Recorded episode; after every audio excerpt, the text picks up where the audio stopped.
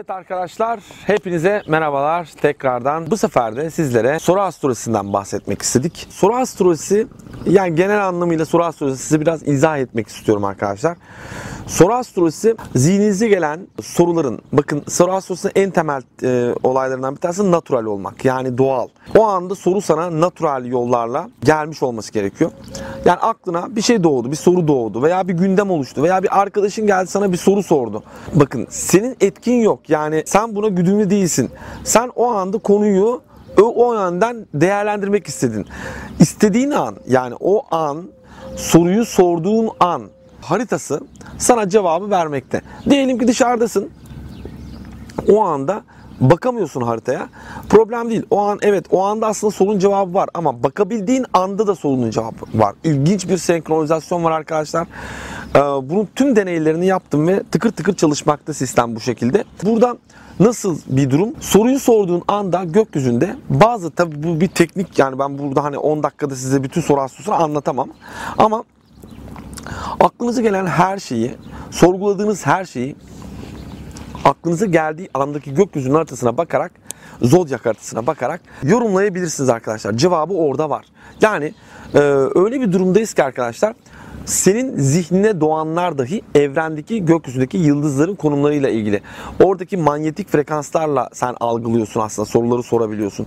Yani gökyüzünde e, senin sorduğun sorunun cevabı var. Yani o soru da var, o sorunun cevabı da var. Bunun alametleri var. Dolayısıyla sen bu alametleri gökyüzünden okumayı biliyorsan cevabı bulabiliyorsun. Ee, burada tabii birazcık daha hani e, soru astrolojisine şöyle biraz girelim. Yine normal astroloji teknikleri, natal harita yorumlama teknikleri gibi ama burada birazcık daha hani progress mantalitesini de işin içine sokarak e, sorguluyoruz soru astrolojisinde. Yani bazı matematiksel ev türetmelerimiz var. Mesela soru astrolojisinde en çok e, kullandığımız benim amcam e, babamın kardeşidir. Yani dördüncü evimin yani soruyu sorduğumda soruyu ben soruyorsam eğer benim ASC ben soruyu sorana temsil etmekte. Benim dördüncü evimin üçüncü evi amcam olmuş oluyor. Yani benim babamın kardeşi. Çünkü kardeşler üçüncü ev demek ya. E, dolayısıyla ev türetiyoruz burada. Amcamın iş durumunu sorguluyorum mesela tamam mı? Burada dördüncü evimin üçüncü evinin e, onuncu evi arkadaşlar. Yani sarıyoruz. E, dördüncü evden üçüncü ev. Dört birinci ev olarak kabul ediyoruz. Dördü birinci ev olarak kabul bir, iki, üç. Yani dört, beş, altı. Altıncı ev benim amcam olmuş oluyor. Altıncı evin e, kar, kariyeri yani altıncı evden sayıyoruz. Altı bir olmuş oluyor. Altıyı bir olarak sayıyorsunuz. Yedi, sekiz, dokuz, on, on bir, on iki. Bir, iki, üç, 4. Yani dördüncü ev benim amcamın kariyerini göstermekte arkadaşlar. Bu şekilde e, hani oradaki yerleşkelerle konuyu okumaya çalışıyoruz. Veya diyelim ki soruyu sana bir arkadaşın sordu. ASC'deki konum e, o zaman değişiyor. Soruyu soran ASC olmuş oluyor.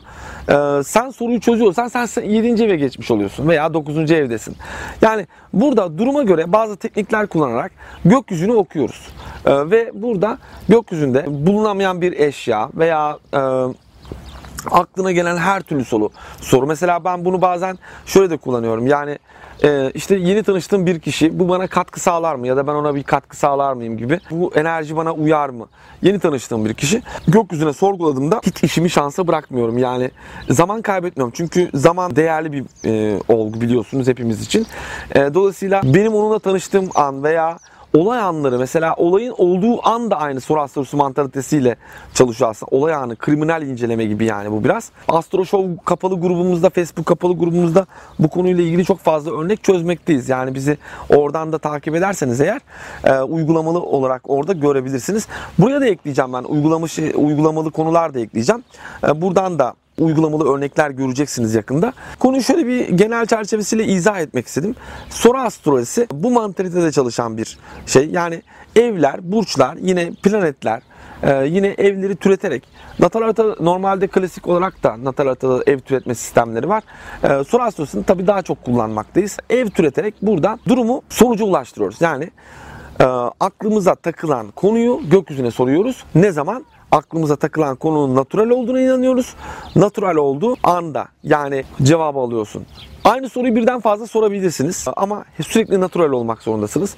Ee, Dolayısıyla burada daha natural e, olabilmek için mesela benim önerim e, öğrencilerime de en çok önerdiğim e, tabii onlar sınıfta bu konuyu öğrenen hani bir kitle oluşturdukları için birbirlerine soru soruyorlar daha natural olabilmek için. Çünkü soruyu sorduğun an değil bu sefer soruyu kabul edildiği an geçerli olacağı için natural bir ortam oluşmuş oluyor. Yani soruyu sorduğunda eğer bir astroloğa soru soruyorsan e, o astrolog onu ne zaman kabul ederse o zaman ki gökyüzüne göre bir senkronizasyon gerçekleşiyor.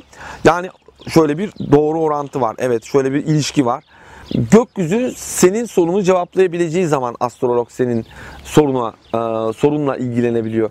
Cevaplayamayacağı bir soruya e, zaten sen ne kendin bakabiliyorsun, ne aklına getirebiliyorsun, ne de birine sorabiliyorsun. Yani gökyüzünde öyle bir konum varsa sen bu konuyla ilgili soru sorabilirsin. Yoksa zaten konuyla ilgili gündem yoktur.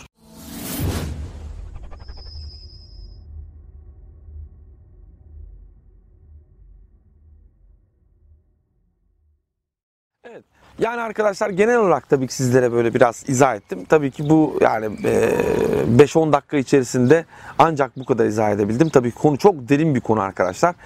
Teknik barındırmakta. Bunu isteyen herkes öğrenebilir. Astroloji öğrenmek isteyen herkes ben öğrenmek istiyorum dediğinde zaten nasibi vardır da isteyebiliyordur. Yoksa nasibin yoksa zaten bu konuyla ilgili istekte dahi bulunamazsın. Zaten konuya da inanamazsın. Nasibiniz olduğu zaman bu konuyla ilgili ilgilenebilirsiniz veya konuyu isteyebilirsiniz, arzulayabilirsiniz. Ama bir istek, bir arzu seni zaten bunu öğrenebileceğine alametlerden bir tanesi.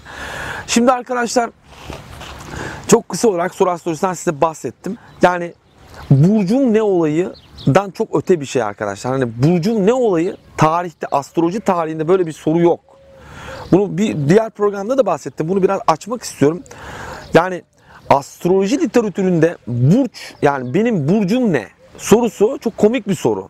Çünkü yok böyle bir şey yok yani. Hangi burcumu soruyorsun? Yani Güneş burcumu mu, e, Venüs burcumu mu, Jüpiter burcumu mu soruyorsun yoksa Satürn burcumu mu, yoksa ikinci evimi alan burcumu soruyorsun yoksa üçüncü evimi alan burcumu?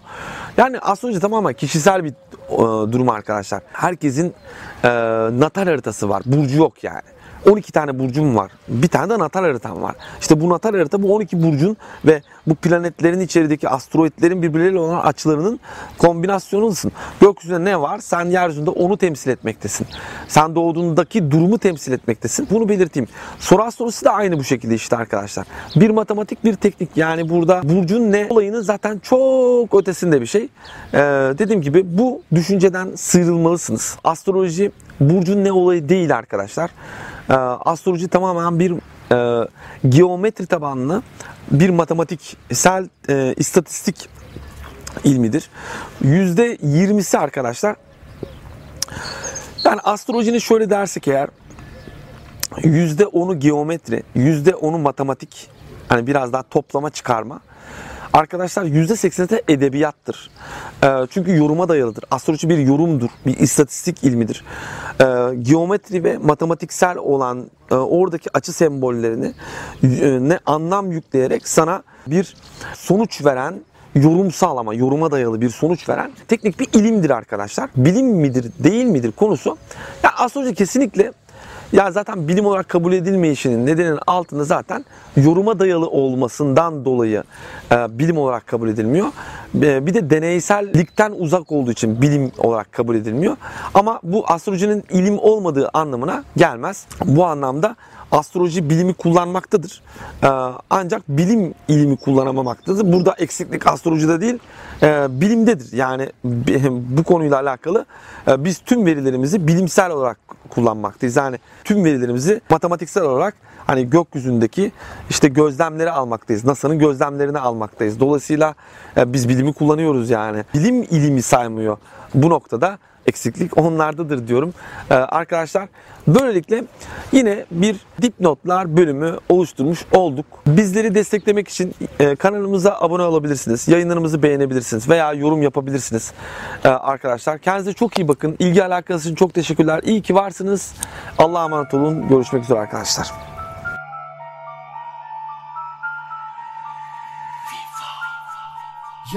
Mikrofonda astroloji bakanı var anlatıyor. Bak sözüne kulak ver. Sakın ama sakın ben duymadım işitmedim hiç bilmiyorum deme.